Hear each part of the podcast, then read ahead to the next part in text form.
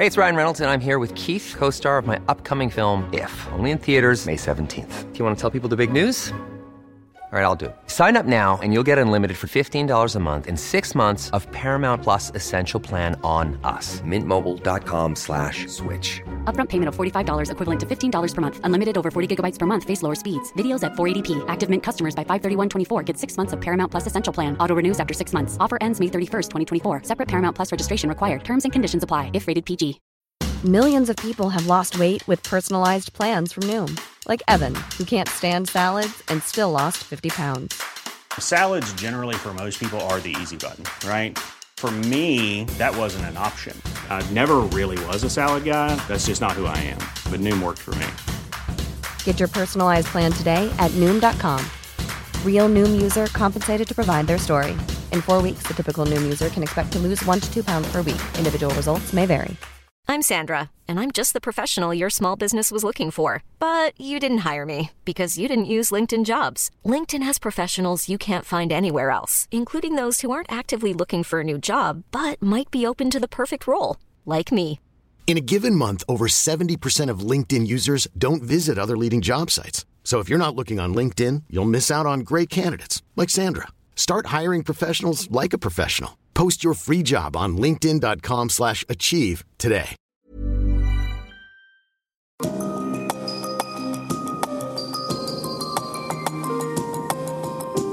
Du lytter til podkast fra Oslo Militære Samfunn.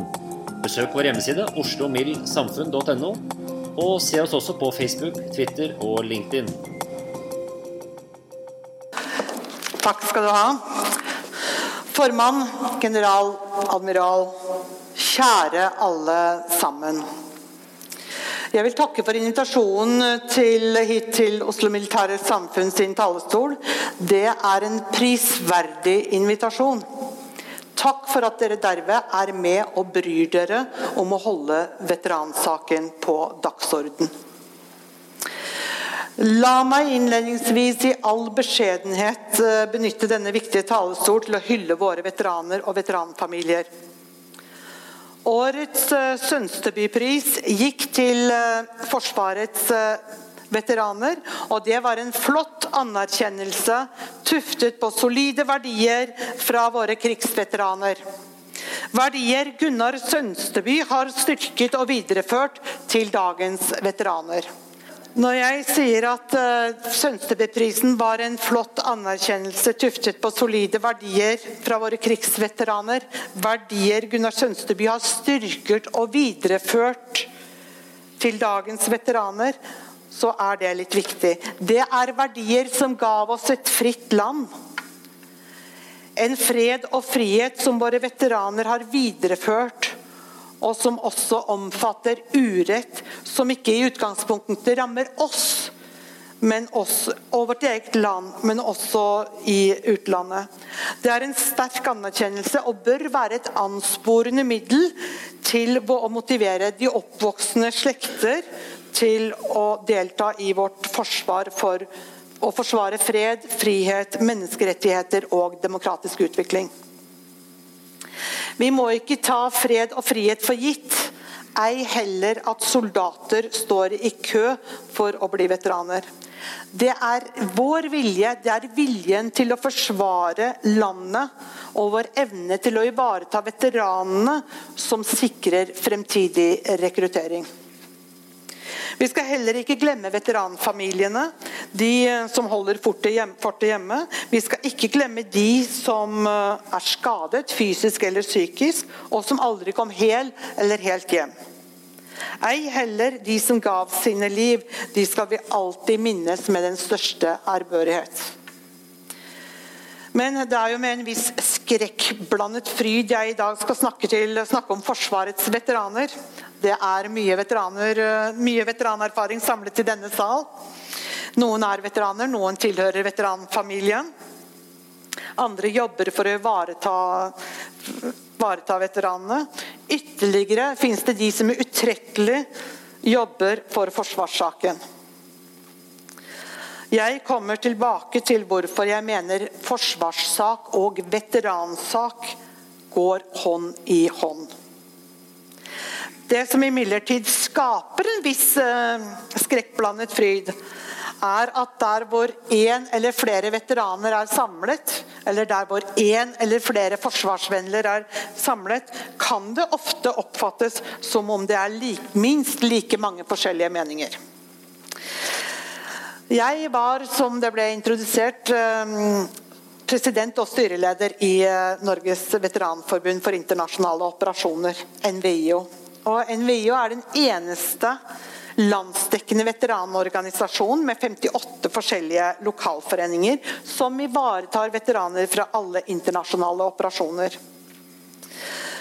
Fra etableringen av FN-befalets landsforbund i 1960 har navnet blitt endret. Men ivaretagelsen av veteranene gjennom aktiviteter, fellesskap og kameratstøtte står fast og bidrar med det i en positiv samfunnsutvikling for alle. NVIO etablerte også stiftelsen Veteranhjelp. Det har vært en eh, transformasjon fra sosialklubb til interesseorganisasjon, som Vigar Vigard Aabrek skriver i historieboken om NVO. Jeg ble, som Irén sa, pensjonert i fjor, 40 år etter at jeg fikk mitt første krigstjenestekort. Og I løpet av tjenesten har jeg da fått med meg sju forskjellige operasjoner, militære og sivile, i, i utlandet. Til sammen 13 kontingenter, hovedsakelig Midtøsten og på, på, Balkan. Og Det er litt bakgrunn også for temaet jeg snakker om i dag. Men hovedtemaene som jeg vil, eh, har valgt å avgrense mitt foredrag til i dag, er hva er en veteran? Hvem er de? Veteraner før og nå og en mer matematisk tilnærming med påstand om at ivaretagelse pluss oppfølging er lik anerkjennelse. Hva er en veteran, og hvem er de? Definisjonen på en veteran i Forsvaret er personell som på vegne av den norske stat har deltatt i internasjonale militære operasjoner. I oppfølgingsplanen i tjeneste for Norge stadfester syv statsråder ansvaret eh, for oppfølgingen av alle som har vært ute i internasjonal tjeneste for Norge. Selve oppfølgingsplanen skal jeg komme tilbake til. Men når jeg snakker om veteraner, gjør jeg det gjerne som, mot, som, vår motstandsbevegelse gjorde det, og som våre danske kollegaer gjør det hvert år på deres veterandag. Med alltid freidig når du går, og la meg repetere det tredje verset. Kjemp for alt hva du har kjært, dø om så det gjelder. Da er livet ei så svært, døden ikke heller. Det er alvorlig å være veteran. Eller seriøst, som ungdommen i dag ville ha sagt. Men språket og eh, definisjon av og holdninger til hva som er veteran, har variert over tid. Sist helg så sto jeg i slalåm oppe på Norefjell. Der hvor proffene har reklame for Telenor. På hjelmen står det 'veteran' på min. Nå tror jeg bestemt at alle som var i bakken, skjønte at jeg ikke var slalåmveteran. Men jeg tror heller ikke mange av de engang tenkte på at jeg kunne være veteran fra internasjonale operasjoner. Endringene i språket kan jo ikke vedtas. og eh, Derfor er jeg tilhenger av å være litt rausere i tilnærmingen til veteranbegrepet, også for Forsvarets veteraner. Men samtidig kanskje mer differensiert i de spesifikke betegnelsene. Siden andre verdenskrig har over, over 100 000 kvinner og menn deltatt i internasjonale operasjoner. De fleste på internasjonale operasjoner i utlandet. Noen på internasjonale øvelser innenfor landets grenser eller i en annen Nato-kontekst. Andre tjenestegjorde med en halvtimes beredskap for å kunne forsvare landet vårt om nødvendig under den kalde krigen. Mens noen holdt seg i havoverflaten, var andre under vann. For meg kan de alle betegnes veteraner. Noen er veteraner, fra, noen er veteraner andre er Intops-veteraner. Like betimelig vil jeg etterspørre hvorfor ikke være mer konkret, rett og slett kalle krigsveteraner for krigsveteran? Ikke minst de av våre veteraner som blir nødt til å ta liv som en del av oppdraget, eller for å beskytte eget eller andres liv, eller selv bli beskutt. Bruken av begrepet krig ble grundig drøftet i Godalsutvalget og beskrevet i NOU nummer 8 2016, 'En god alliert Norge i Afghanistan'. Begrepet krig blir etter utvalgets syn å, opp, å oppfatte som et ikke-rettslig sam, samlebe, samlebetegnelse på flere former for væpnet konflikt. Utvalget fastslår at det ikke er noen rettslig grunn til ikke å benytte begrepet. Bakgrunnen for å ikke benytte begrepet krig synes å være tuftet på vurderinger av interne rettslige konsekvenser og det privatrettslige området. Kanskje ikke bare i forhold til beredskapslovene og pensjon, men også den politiske belastningen som kan ligge i å sende kvinner og menn ut i krig. En annen gruppe er de mange utsendte fra andre departementsområder eller frivillige organisasjoner på vegne av kongeriket. Personellet på, øvelse, på, på Operasjon Triton er ett av flere eksempler. Det tjenestegjør elleve personer fra politiet om bord. Ti fra Forsvaret, hovedsakelig Kystvakten, i tillegg til de 14 sivile som står for den uh, daglige driften av fartøyet på CM Pilot. Nettopp samarbeidet mellom politi og forsvar er forklart som suksessfaktoren for operasjonen av tidligere styrkesjef Lise Kristin Dunham. I 2009 og 2010 var det som det ble sagt i introduksjonen, var jeg utsendt av eh, Utenriksdepartementet til å være sjef for den internasjonale styrken i eh, observatørstyrken i Hebron. Den siste egentlig gjenlevende babyen av Oslo-avtalen. Det er et annet eksempel. Å gi anerkjennelse til alle skulle på ingen måte svekke eller utvanne begrepet, snarere styrke anerkjennelsen. Det bør bli et tema, men det må aldri overskygge det ansvaret for ivaretagelse og oppfølging som følger med å sende mennesker ut på oppdrag for fred og frihet på vegne av oss alle. Ivaretagelse og oppfølging de av de forskjellige veteranene kan selvfølgelig bli eh, litt forskjellsbehandling. På den annen side det å behandle ulike grupper likt kan være særdeles urettferdig og uhensiktsmessig. Men det er flere spørsmål enn det er svar. Og jeg syns kanskje at det kunne være en anerkjennelse i seg selv å ta med veteranene inn i denne diskusjonen. Så hvem er så denne veteranen? Veteraner kan være yrkesmilitær eller frivillig, kvinne eller mann i alle aldersgrupper og fasonger. Det kan være et menneske som enten deltar i strid eller trygger freden med sitt nærvær, eller kanskje begge deler. En som i dag er grundig selektert, eller en som i sin tid gjennomgikk ikke akkurat den samme grundige seleksjonen. Veteran kan være hvem som helst. Bror, søster, sønn, datter, mor, far, kjæreste, nabo eller sambygning. Og per i dag kan det faktisk også være både statsråd og stortingsrepresentant. En veteran kan være hvem som helst, men alltid bosatt i en kommune. Det som forener veteranene, er viljen til, sammen med andre, å gjøre en innsats for landet. Hvor som helst i verden, med liv og helse som innsats. Ofte langt borte fra familie og venner, og med den belastningen det kan være for de som blir igjen hjemme. Vi er alle sammen skrudd sammen forskjellig. Det kan være forskjeller i alder, familiesituasjon, utdanning og erfaringer. Forskjeller i evne til å håndtere nye oppgaver og krevende hendelser i ukjente kulturer. Ofte under tidspress i stressende situasjoner. Sist, men ikke minst også evnen til å takle disse hendelsene. Veteraner får frem opplevelser på godt og vondt. Våre veteraner har tatt med et stykke Norge ut til utlandet, og et stykke utland tilbake til eh, Norge. De skal vi støtte med én hånd og gi anerkjennelse med den andre. De fleste av oss kjenner en veteran. Og Tar vi utgangspunkt i at 100 000 kvinner og menn har, er veteraner siden andre verdenskrig og frem til i dag, samtidig som vi beregner ca. ti familiemedlemmer per veteran, så er det faktisk slik at én million nordmenn er involvert på en eller annen måte som veteranfamilie. Krigsveteranene fra andre verdenskrig sikret oss fred i frihet i senere historie. Dagens veteraner vedlikeholder vår fred i frihet. Og det er en direkte link fra gårsdagens krigsveteraner til dagens la meg si, krigsveteraner og andre typer veteraner. Veterankortet har for øvrig vært en målsetning for NVI og på handlingsplanen vår i inneværende periode.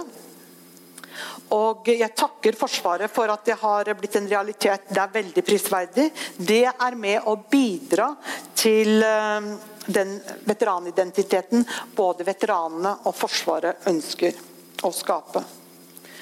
Så noen ord om veteraner før og nå. Mye er gjort for å hedre våre krigsveteraner og krigsseilere i den senere tid. Vi er alle enige om at det var altfor seint. Mange gikk bort før anerkjennelsen kom. Det har ikke vært enkelt å nå ut til alle. Mange snakket ikke om sin deltakelse. Etter krigen skulle alt glemmes, for noen bare fortrenges. Ikke minst kvinnenes historie er mangelfullt dokumentert. Noen av dem er på vei ut av skyggen i dag, men det er også altfor seint. I dag, 22 år etter at Norge ble fritt, dvel, deler vi fortsatt ut dekorasjoner. Vi må forhindre at vi kommer i en sånn situasjon igjen. Med all respekt finner jeg det viktig å påpeke at vi ikke må la den dårlige samvittigheten for dårlig oppfølging føre til at vi dveler så mye med fortiden at vi utsetter nye generasjoner for samme urett med å parallellforskyve forsinkelsene med anerkjennelsen. Nå må det prioriteres. Digitalisering av deltakerlister er viktig. De veteranene som fremdeles er i live, må imidlertid prioriteres.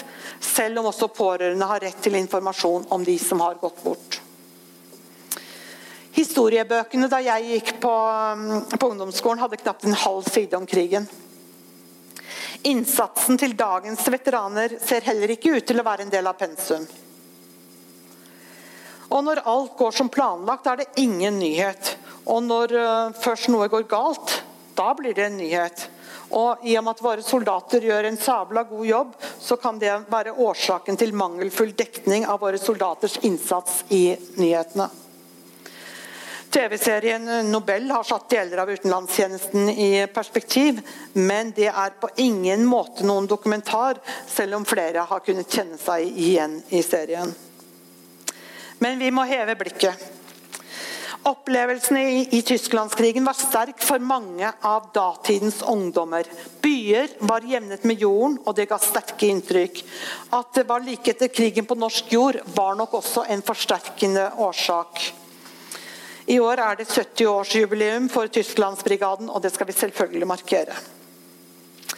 Men mine damer og herrer, det var på mange måter et paradigmeskifte fra den gangen til FN-operasjoner som ble etablert i Midtøsten og senere på Balkan, tilbake til Midtøsten og Afrika. Det har vært utrolig mye utvikling fra den gangen da alle avdelinger var satt opp, om mulig med kadre av yrkesbefal, ellers hovedsakelig av reservebefal og vernepliktige mannskaper. I alle aldersgrupper fra det ganske land. Oppsetningsperiodene var korte, noen nesten ikke-eksisterende. I dag kan vi fastslå at opptrening, utdanning og øving, om det var gitt, var altfor kort. Oppdragene varierte fra kontingent til kontingent, fra misjon til misjon. Men jeg syns allikevel det er viktig å minne oss selv på at tjenesten og opplevelsen av oppdragene også den gangen kunne være meget krevende. Og det var skarpe operasjoner. Men mange av de historiene vi hører om tragisk mangel på oppfølging og ivaretagelse, skriver seg nettopp fra den tiden. De langt fleste historier om opplevelser som har ført til lidelser for mange av våre veteraner, er gamle historier. Historier fra tidligere tider med en helt annen oppfølging, og la meg eh, understreke, fra en tid da oppfølgingen var ikke-eksisterende. Etter dimensjon reiste alle hver til sitt, Og det ble en brå slutt på fellesskapet. Et fellesskap som på mange måter må oppleves for å fatte hvor viktig det er. Noen av eh, våre veteraner som sliter, viser til hendelser hvor opplevelser de ikke har kunnet snakke om, har blitt en belastning. I motsetning til i dag, hvor eh, jeg kan vise til et riktignok lite eksempel. Men eh, vi har varslingskanaler med både åpen og anonym varsling, i tillegg til soldatappen RAP. Som kan gjøre det enklere å varsle alle typer hendelser som ikke er gradert. Enten det er mobbing, trakassering, ulykker eller nestenulykker. Det kan være med å rense samvittigheten, være en ventil for frustrasjoner og få sin stemme hørt. Om internett virker da. Men det er selvfølgelig bare en bitte liten del av det hele. Det å være veteran er ingen diagnose. De langt fleste veteranene før og nå er friske ressurspersoner med en unik militær og sivil kompetanse som er svært viktig for samfunnet. Noen veteraner har imidlertid fått fysisk eller psykisk skade, men de er fortsatt ressurspersoner. Noen trenger oppfølging, andre er ressurspersoner som kan gi kameratstøtte. Mange savner riktignok fellesskapet og kameratskapet de hadde under tjenesten. Andre oppsøker veteranorganisasjonen og veterantreff for å oppleve fellesskapet sammen med andre veteraner. NVIO gjennomfører veterantreff på vegne av Forsvaret. Anslagsvis 5000 veteraner møttes i løpet av det siste året. Nå viser det seg litt vanskelig å nå ut til de yngste veteranene. Også for oss veteranorganisasjonene. og Det kan nok være fordi at behovet er annerledes nå enn hva det var før i tiden. I dag er de i større grad ansatt i Forsvaret og får, og får behovet for fellesskap dekket der. Men vi er klar med et fellesskap den dagen de dimitterer fra Forsvaret. Om det er 35 år, eller som 40-åringer, eller som vanlig, tjeneste, vanlig tjenestepensjon. Jon Røykelt har jo holdt foredrag her i Oslo Militære Samfunn. Jeg vil likevel nytte anledningen til å sitere fra hans håndbok i militærpsykiatri. Soldatlivet er der veldig godt beskrevet. Jeg siterer å være soldat er forbundet med helt spesielle utfordringer. Deltakelse i stridshandlinger, enten det er krig i tradisjonell forstand eller i nyere tids fredsbevarende eller fredsoppsettende operasjoner, innebærer økt risiko for både død og fysisk og psykisk skade.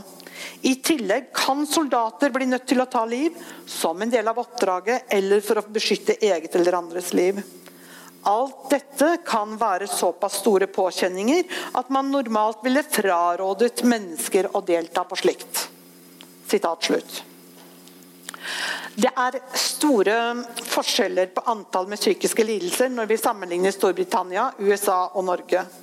De britiske tallene ligger på 3-5% de amerikanske oppimot 20% og Vår egen Afghanistan-undersøkelse viser at ca. 5% hadde psykiske plager i gjennomsnitt fire år etter en tjeneste. Reichelt skriver i sin bok at disse forskjellene antageligvis kan tilskrives forskjeller i kultur, rekruttering, helsevesen, intensitet, varighet og hyppighet av deployeringene. Jeg vil i tillegg tillate meg å nevne allment evnenivå. Det kan være indikasjoner på at Forsvaret så langt gjør, en, gjør, det mye bedre i sin oppfølging i dag, etter at forsvarspersonelloven om oppfølging før, under og etter tjeneste trådte i kraft. Vi har kunnet bruke erfaringer på godt og vondt, og vi har lært at vi må forebygge med god trening, øving, utdanning og selektering. Oppsettingsperiodene for de fleste i dag strekker seg opptil et halvt år. Offiserer, befal og mannskaper er ansatt, og med noen med en midlertidighet av litt lengre varighet, i Forsvaret. De får en bedre utdanning, øvelse og trening enn hva de har fått tidligere. For meg personlig har det vært uh, veldig viktig å synliggjøre hva som er naturlige og normale reaksjoner på særdeles unormale hendelser. Å vite hvordan kropp og sjel kan reagere. Under, uh, uten denne kompetansen kunne jeg lett ha trodd at noe var galt, både fysisk og, uh, og psykisk. Og Det er det veldig viktig å formidle til ankrene, ankret vårt hjemme. Enten det er en ektefelle, en partner, venner, søsken, barn, og faktisk også til arbeidsgivere, helsevesen og samfunnet for øvrig. Personlig syns jeg eh, faktisk det var veldig krevende å være i pårørenderollen da mannen min tjenestegjorde i Mali i fjor. Noen ganger til og med verre enn det å være ute selv. Godt folk, I erkjennelsen av at ikke alle har taklet utfordringene på tjenesten, vil jeg omtale kompensasjonsordningen. Klagenemnden for uh, for krav om kompensasjon og billighetserstatning for psykiske belastningsskader som følge av deltakelse på Intops. Det som er det store temaet i dag, er dette med foreldelsesfrist. Og eh, Fra NVIOs side er vi veldig opptatt av dette viktige temaet ut fra det faktum at dette må avgjøres ut fra en medisinsk vurdering. Og eh, det er den medisinske vurderingen som legges til grunn, ikke de juridiske betraktningene. Sist jeg mottok en oversikt om eh, kompensasjonsordningen, så var det gitt ut kompensasjon i størrelsesorden 1,8 milliarder. Og vi vet at det er litt mer enn 1,8 millioner. Med den kompensasjonsordningen og de summene som foreligger, skulle jeg gjerne sett at ordningen var mer kunnskapsbasert. Det er behov for forskning. Er dette en ordning og en sum penger som gir veteranene den verdighet de fortjener? Er det andre tiltak som kunne erstattet denne ordningen, eller kanskje kommet som et tillegg? Foreldelsespris må vurderes på nytt. Hva med mulighetene for jobb til tilpasset, eh, tilpasset jobb, jf. NHOs veteranprosjekt, uten å miste rettigheter? Det er mange spørsmål. Jobb ville gitt meg menneskeverdet tilbake, er imidlertid en uttalelse som jeg har festet meg ved. Et annet gjentagende tema er krigspensjon. og Som tidligere fagforeningsleder så har jeg nok, nok kunnskap til å skjønne at eh, det er et vanskelig tema. Og jeg har ikke kompetanse til å komme med noe forslag over bordet. Samtidig så skal vi ikke stille spørsmål eller sette fram krav som kan gi oss et svar vi ikke kan leve med. Og Det er derfor NVIO er veldig opptatt av at vi må få nedsatt et bredt utvalg som kan se på hele tematikken. For det er tross alt resultatene som teller også for veteranene. Men da skal jeg gå over til dagens veteraner. Og jeg må si at jeg er skikkelig stolt av dagens veteraner. De yngre veteranene i særdeleshet. Det er veldig mange flotte ungdommer der ute. Og jeg har tro på fremtiden, bare vi ikke tar freden og ungdommene for gitt. Hey, it's Ryan Reynolds, and I'm here with Keith, co-star of my upcoming film, If, only in theaters May 17th. Do you want to tell people the big news? All right, I'll do it. Sign up now and you'll get unlimited for $15 a month in six months of Paramount Plus Essential Plan on us. Mintmobile.com slash switch. Upfront payment of $45 equivalent to $15 per month. Unlimited over 40 gigabytes per month. Face lower speeds. Videos at 480p. Active Mint customers by 531.24 get six months of Paramount Plus Essential Plan. Auto renews after six months. Offer ends May 31st, 2024. Separate Paramount Plus registration required. Terms and conditions apply if rated PG. Millions of people have lost weight with personalized plans from Noom. Like Evan, who can't stand salads and still lost 50 pounds. Salads generally for most people are the easy button, right? For me, that wasn't an option. I never really was a salad guy. That's just not who I am. But Noom worked for me. Get your personalized plan today at Noom.com. Real Noom user compensated to provide their story. In four weeks, the typical Noom user can expect to lose one to two pounds per week. Individual results may vary. De pågående operasjonene er særdeles krevende. Både allierte, oppdragets egenart og intensitet stiller store krav til profesjonalitet. I en profesjonalitet våre soldater har. Forsvaret med de eldre veteranene gjør mye som er riktig i, i dag. I dag er alle mer forberedt på oppdragene. Det er bedre tilgang til områdekunnskap, kulturkompetanse og informasjon om hva som kan ventes der ute. Dagens ungdom skal også berømmes for at de er langt flinkere til å formidle situasjonen der ute enn hva min generasjon har vært. I dag er det legitimt å snakke om opplevelsene på en litt annen måte. Det oppfatter jeg som en styrke for den enkelte veteran og for Forsvaret. Det er selvfølgelig enkelte avdelinger som ikke har muligheter til å være så åpne grunner, av grunner som operasjonssikkerhet og oppdragets karakter. Disse avdelingene synes imidlertid å ta vare på seg og sine på en meget god måte. Og faktisk så tar de også vare på oss med forberedelser når vi skal inn i operasjonsområdet. Stabsoffiserer er riktignok en litt annen gruppe som sendes ut enkeltvis eller i små grupper. De har både før og nå alltid hatt større utfordringer enn de som, eh, som tilhører en avdeling. Men mine damer og herrer, dagens veteraner har mange utfordringer. Bjørn Tore Godal sa under Afghanistan-høringen på Stortinget at utviklingsprosjekter og krig passer dårlig sammen, og at det ikke er ønskelig med en bredere debatt men at en slik debatt nettopp er nødvendig. Resultatet av å ikke ta den ballen kan være en utfordring som de tjenestegjørende uh, vil være en utfordring for de som uh, tjenestegjør ute. Ikke minst om norsk, norsk, styrkesjef ikke er en del av operasjonens kommandokjede. Det er ikke uten grunn at organisasjoner og land har uh, representanter som nærmest er en spesialrepresentant for å koordinere den samlede kapasiteten deres land eller organisasjon representerer. Det blir ofte sagt at alle vil ha koordinering, men at ingen vil bli koordinert. Vi kan prøve å koordinere. Det handler nemlig om profesjonalisere policy i operasjonsområdet. Det er faktisk, Man skal jo ikke ha kjepphefter på pensjonistenes nivå, men jeg syns det er litt viktig. Det handler altså om å profesjonalisere policy i operasjonsområdet. Av andre nye utfordringer på internasjonale operasjoner kan jeg nevne oberstløytnant Tore Ketil Stårevik sin masteroppgave om ISAF sin tilnærming til korrupsjon i Afghanistan. Som et eksempel. Oppgaven har nå blitt en offisiell rapport, 'Too Little Too Late', og ble lansert av Senter for integritet i forsvarssektoren for tre dager siden. Den fastslår at korrupsjon er en større trussel enn Taliban. Corruption can be just as deadly as bullets.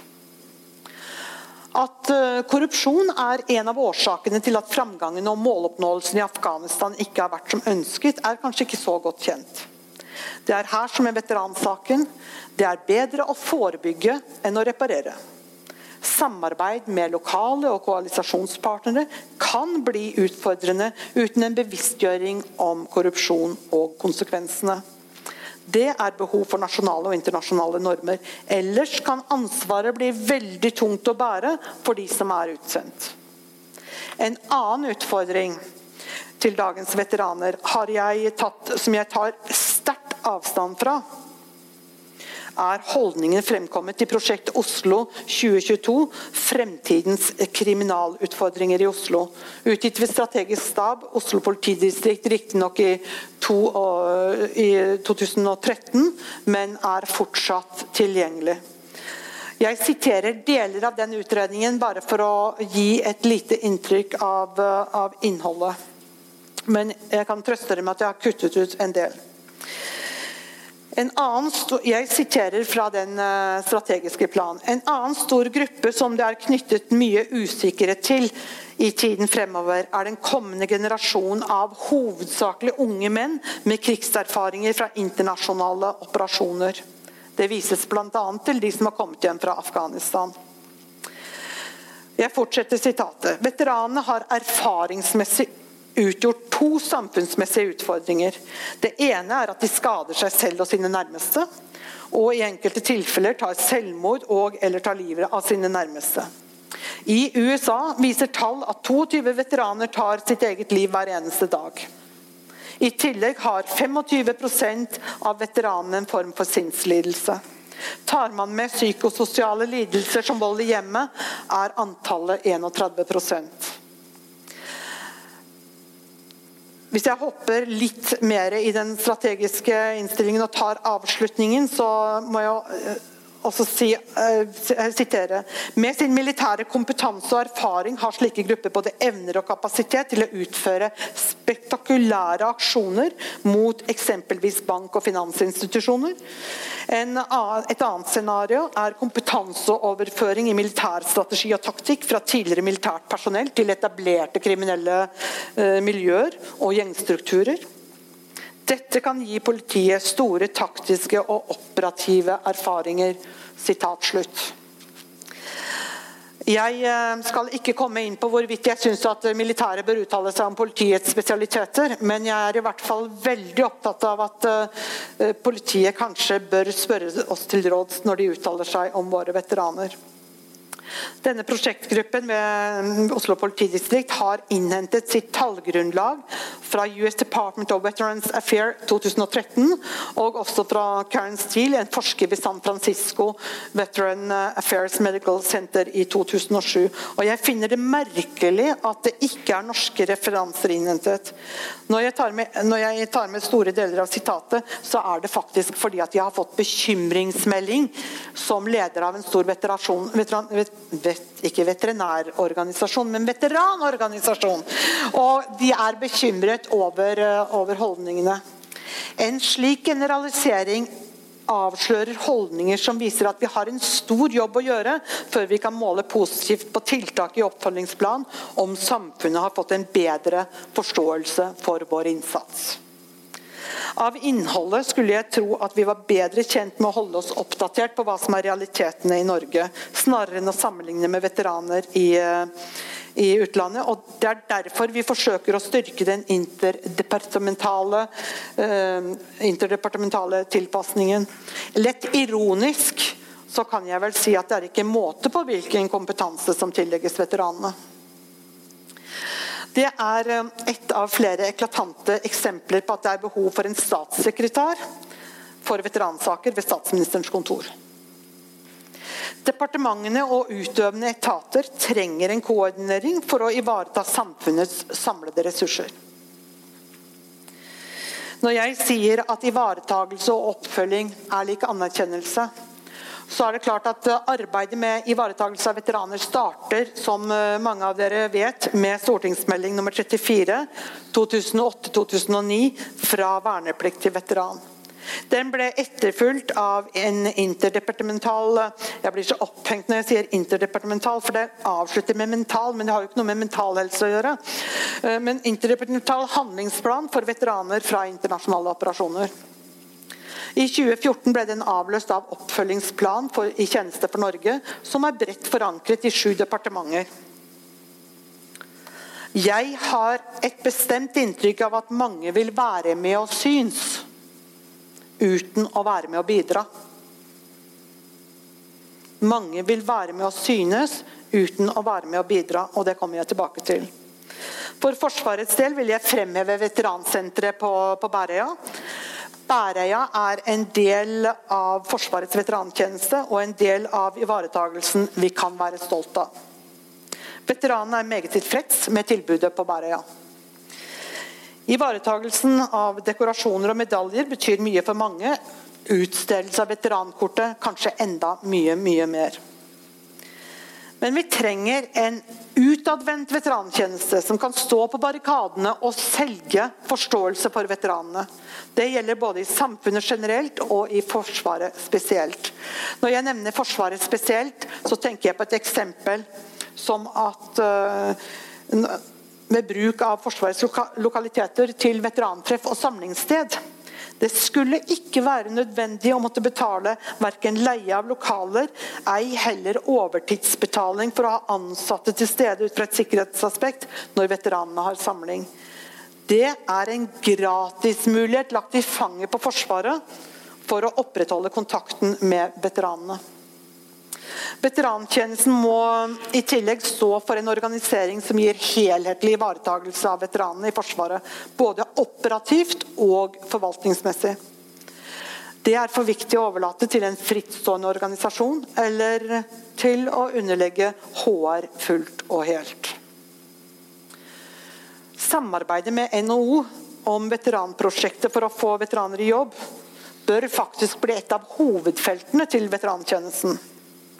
Det kan gi veteraner som sliter, mer verdighet, i tillegg til å bidra til å synliggjøre den veterankompetansen vi innehar.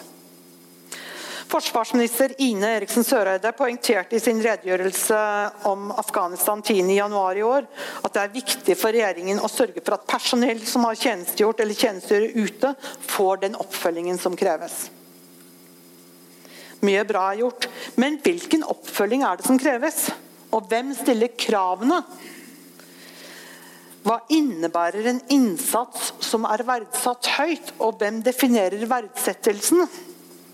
Politikerne er veldig opptatt av målsetninger. Det er imidlertid ikke så lett å forstå hvordan målene skal nås. Hva innebærer de?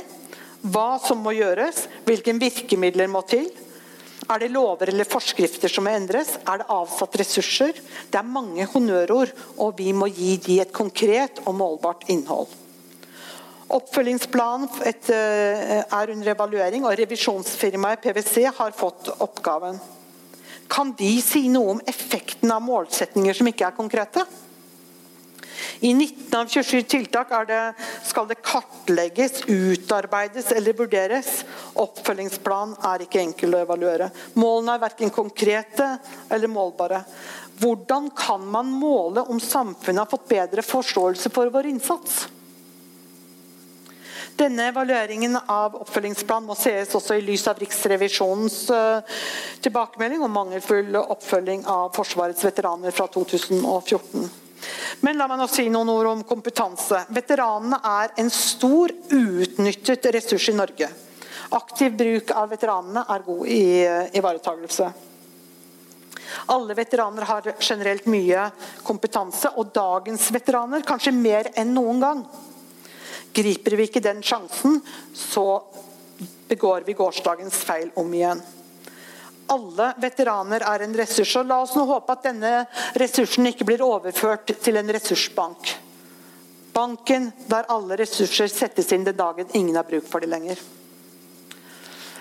Jeg ønsker å se litt nærmere på hvilke ressurser veteraner kan være, og hvilken kompetanse som kan være nyttig for hele samfunnet, både stat og kommune. Det er viktig å ikke bare stille krav, men også ha noen forslag. Forsvaret har påført og påfører veteranene enorm kompetanse. Hvilket ansvar bør samfunnet og Forsvaret ta for å nyttiggjøre seg denne verdifulle kompetansen? Det bør finnes muligheter for gjenbruk av kompetansen. Veteranene har den profesjonen Forsvaret og totalforsvaret behøver. Jeg er så gammel at erfaringene fra den kalde krigen igjen har blitt relevant. La meg starte med totalforsvaret. Regjeringen vedtok i fjor høst å styrke og fornye totalforsvaret. og Det skal tilpasses selvfølgelig dagens sikkerhetspolitiske situasjon. Som tidligere skal det bygge på gjensidig støtte og, og samarbeid mellom det sivile samfunnet og Forsvaret i alle typer kriser. Det foregår omfattende arbeid med å oppdatere beredskapsplaner og operativt planverk. DSB har på sin side vært meget opptatt av at hver enkelt kommune må ha en verktøykasse i alle tilfeller, i alle tilfeller av krisesituasjoner. Både kriser i, kriser i fredstid og i krig. Å forebygge er langt rimeligere enn å reparere. Både i menneskelige lidelser og penger. I denne konteksten stiller jeg spørsmål om ikke veteranene er den ressursen som kunne ha vært en del av kommunens verktøykasse. Alle veteraner bor i en kommune. Hvilket ansvar har eller bør kommunene ta for ivaretakelsen? Veteraner er ressurser som kommunene egentlig har tilgjengelig både fred, krise og krig. Å ivareta veteranene er god samfunnsøkonomi. og En varaordfører oppe på Helgelandskysten sa det så dekkende. Etter å ha sett hva NVIO har gjort for et par av kommunens veteraner, har dere spart veteranene for personlige lidelser, og sannsynligvis kommune og stat for millioner. Det er god samfunnsøkonomi. Alle veteraner i landets kommuner er kjent. Det de ikke vet, er hvem disse er. Og Her anbefaler jeg at hver enkelt kommune gir veteranene en mulighet til å registrere seg på frivillig grunnlag. I Narvik kommune har de laget en portal med krigsveteranene på hjemmesiden sin. Jeg skjønner at kanskje ikke alle dagens ungdommer vil være på, tilgjengelig på en sånn åpen portal, men det er en god idé som kan videreføres. En annen god start er utarbeidelse av veteranplaner. Noen kommuner har laget veteranplaner, andre ikke. Kommunale veteranplaner kan bli grunnmuren i oppfølgingsplan. og Her antar jeg også at det kan være felles interesser med Heimevernet. Veteranplaner trenger ikke å være komplisert. Det kan faktisk starte med to linjer om at man skal markere 8. mai sammen.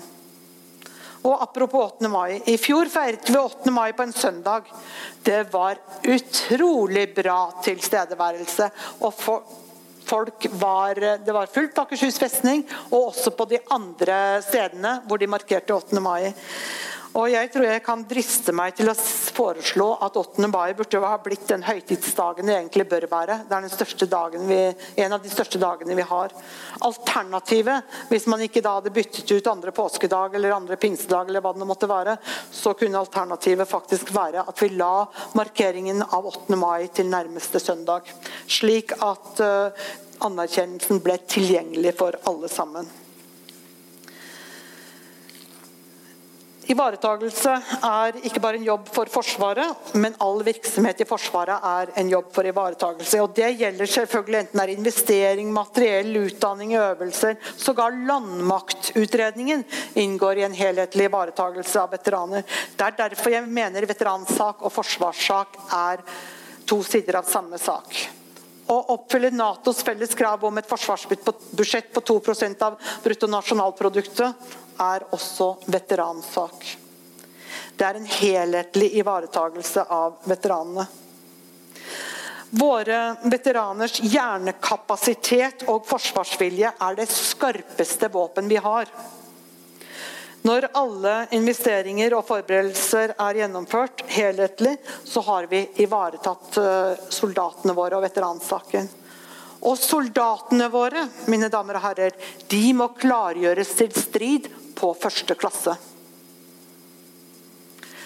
Det er starten på all anerkjennelse. Det kan man også synliggjøre med å etablere et veteranmonument på Akershus festning.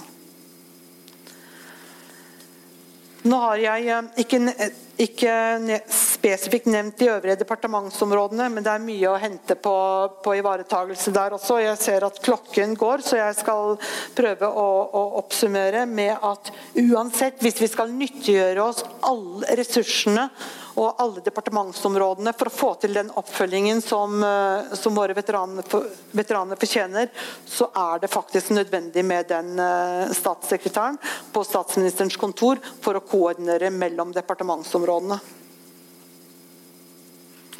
Ellers vil i og med at vi ikke har noen koordinering, så vil ellers den politiske og utøvende koordineringen være fraværende.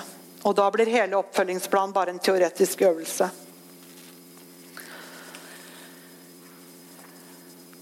Jeg eh, vet at vi nå har denne evalueringen av PwC, revisjonsfirmaet, som skal se på oppfølgingsplan. Jeg vet at vi også heller ikke heller at vi ikke hadde trengt PwC til å, å, vurdere det, for vi vet at det er vanskelig å evaluere den planen. Men det som gjør at jeg fortsatt er glad for at PwC skal revidere det, er at jeg tror det kanskje betyr mye mer når det kommer fra et så kvalifisert hold, enn at det bare er eh, veteranorganisasjonen eller andre som måtte ha interesse for veteranenes eh, situasjon, som sier dette.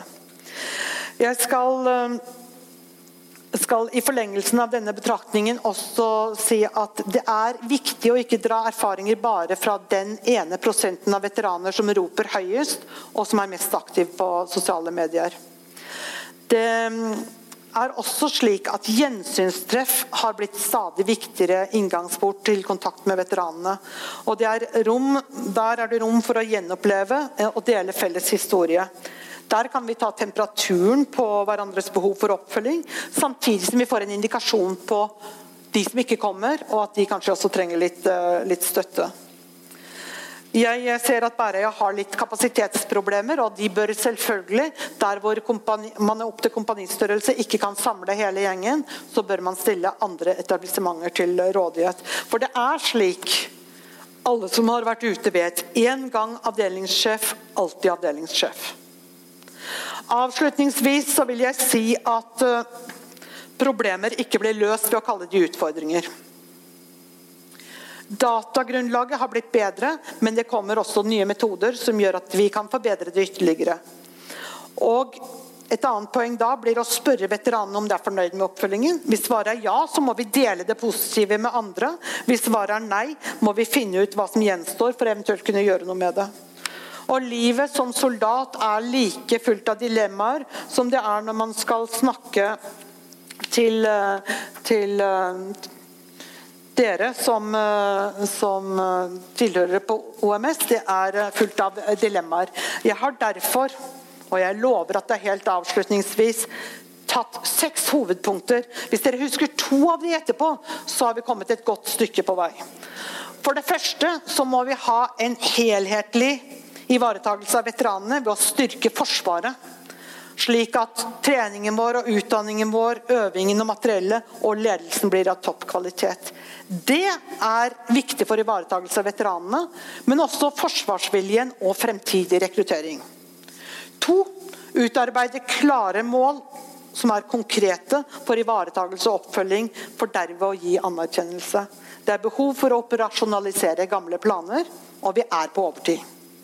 Tre, vi må koordinere og samhandle av ivaretakelsen av eh, veteranene tverrsektorielt. Da med en statssekretær på statsministerens kontor, som også skal må vurdere behovet for ytterligere koordinering i operasjonsområdet.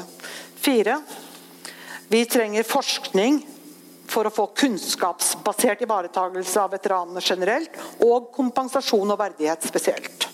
Fem, pålegg til kommunene om ivaretakelse av veteranene, herunder markering av 8. mai og utarbeidelse av veteranplaner. Seks, styrke samarbeidet mellom Forsvaret og NHO i veteranprosjektet. Og sju, det siste punktet, nasjonalt veteranmonument på Akershus festning. Jeg må bare si, Hadde man dratt til København og sett det veteranmonumentet på på, på kastellet der, så er det til å grine av. Utrolig flott. Men mine damer og herrer, det å være veteran er et varemerke. Jeg er veteran, og jeg er stolt av det. Takk for oppmerksomheten.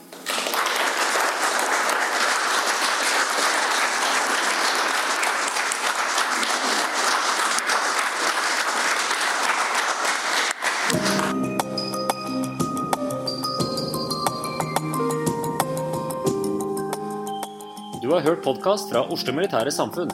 Besøk vår hjemmeside oslomildsamfunn.no, og besøk oss gjerne på sosiale medier som Facebook, Twitter og LinkedIn.